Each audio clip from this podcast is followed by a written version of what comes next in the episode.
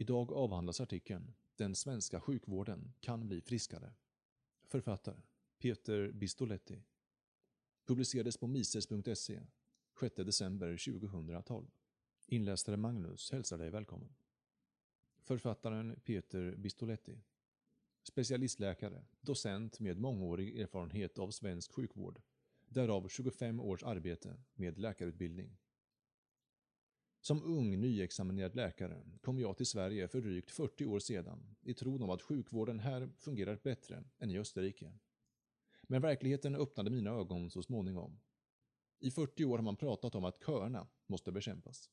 Läkarantalet har tredubblats under de senaste decennierna, men köerna finns kvar.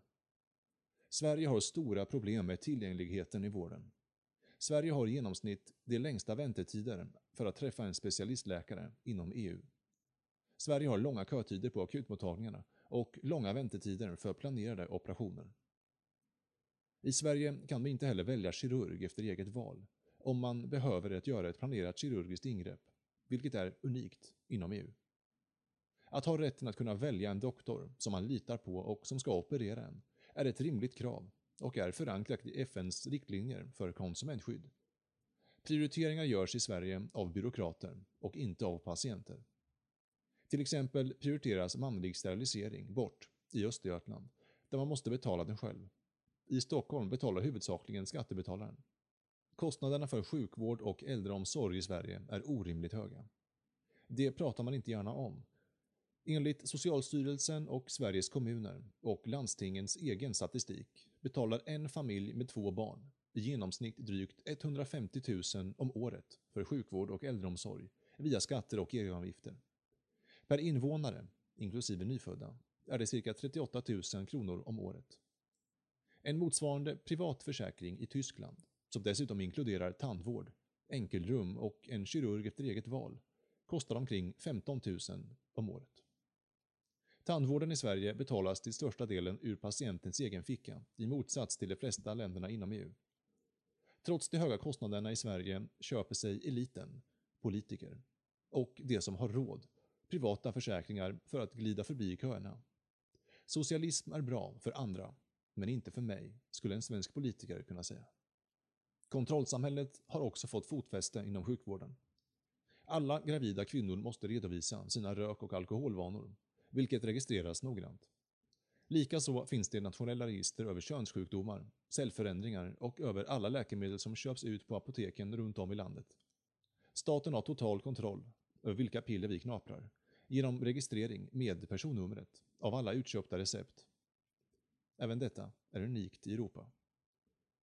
Läkarutbildningen, i synnerhet specialistutbildningen, är inte av toppkvalitet om man jämför med USA och Storbritannien. Där ställs det helt andra krav på blivande specialister vad gäller engagemang och arbetsinsats. Hur stor utbrändheten bland svenska läkare är finns det inga säkra uppgifter om. Men undersökningar har visat att missnöjet med den omfattande, ofta meningslösa byråkratin är mycket utbredd. En positiv utveckling inom svensk sjukvård är att prickning av läkare, det vill säga bestraffning av misstag i vården, togs bort. Att erinran och varning utdelat av Socialstyrelsen togs bort stämmer väl överens med all forskning inom området. I riskverksamheter, som flyg och kärnkraftsindustrin, finns inga bestraffande kvalitets och kontrollsystem. Man uppmuntrar istället till öppenhet för att upptäcka och rapportera incidenter, för att kunna lära sig av dem. Bestraffning leder till defensiv medicin, vilket skadar patienten mer än den gör nytta. Alla de kända nackdelarna med en planekonomi återfinns i svensk sjukvård. 1. Monopol, staten, som finansierar utbildning och vård, relativt få privata vårdgivare, kartell, som egentligen inte är omtyckta, i alla fall inte av den rödgröna vänstern. Anledningen att alla kommunistiska länder kollapsade ekonomiskt var planekonomin. Om staten fungerar så bra inom vård, skola och omsorg kan den ju ta över IKEA, ICA och H&M. Hur skulle sjukvården fungera enligt anarkokapitalistisk modell? Professorn Hans Hermann Hoppe föreslår fyra radikala steg. 1. Eliminera licenskraven för universitet, sjukhus, apotek, läkare och annan vårdpersonal. Konkurrerande privata ackrediteringsfirmor, ratingföretag och företag som sysslar med rekrytering och kvalitetskontroller skulle kunna göra en bättre bedömning vem som kan leverera den bästa vården. Det bästa läkemedlet, den bästa utbildningen, med den bästa personalen. Det skulle göra ett bättre jobb än staten med sina monstruösa, stelbenta och oftast onödiga byråkratiska regler. 2. Eliminera alla statliga restriktioner för produktion och distribution av läkemedel och andra medicinska artiklar, diagnostiska tester och apparater. Bort med FDA, Food and Drug Administration, Läkemedelsverket och dylika onödiga institutioner. Jag påminner bara. Massvaccination mot svininfluensa och narkolepsin. Alla var de inblandade. European Center for Disease Prevention and Control, Läkemedelsverket, Sveriges kommuner och landsting med flera. Även inom detta område kan privata företag övervaka produkternas kvalitet och säkerhet bättre än staten. 3. Avreglera och privatisera sjukförsäkringsindustrin.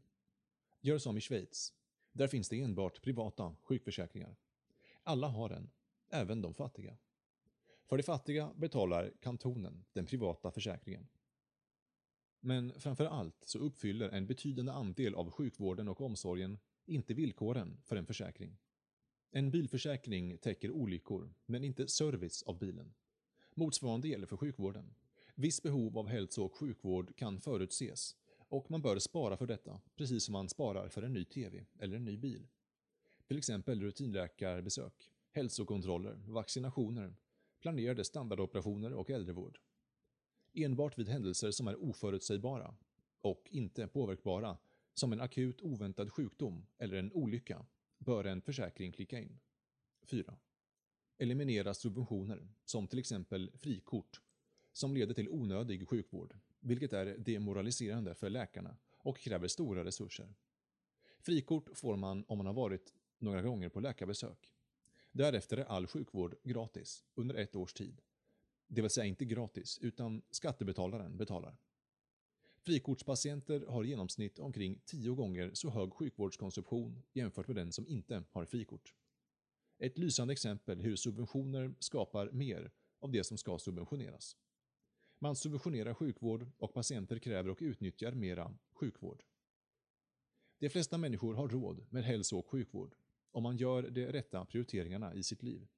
I dagens Sverige är man ansvarsbefriad eftersom förmyndarstaten tar över ansvaret. Men statens pengar kommer inte räcka till i framtiden. Vi måste tänka om när det gäller finansiering och produktion av sjukvård och äldreomsorg. Det är relativt få fattiga människor som inte har råd med adekvat sjukvård kan hjälpas av organisationer som Röda Korset eller andra frivilliga välgörenhetsorganisationer.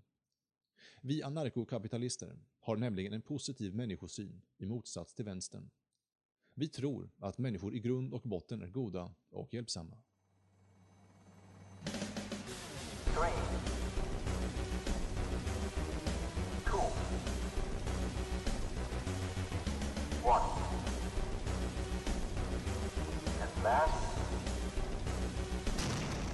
Don't put your trust in politics.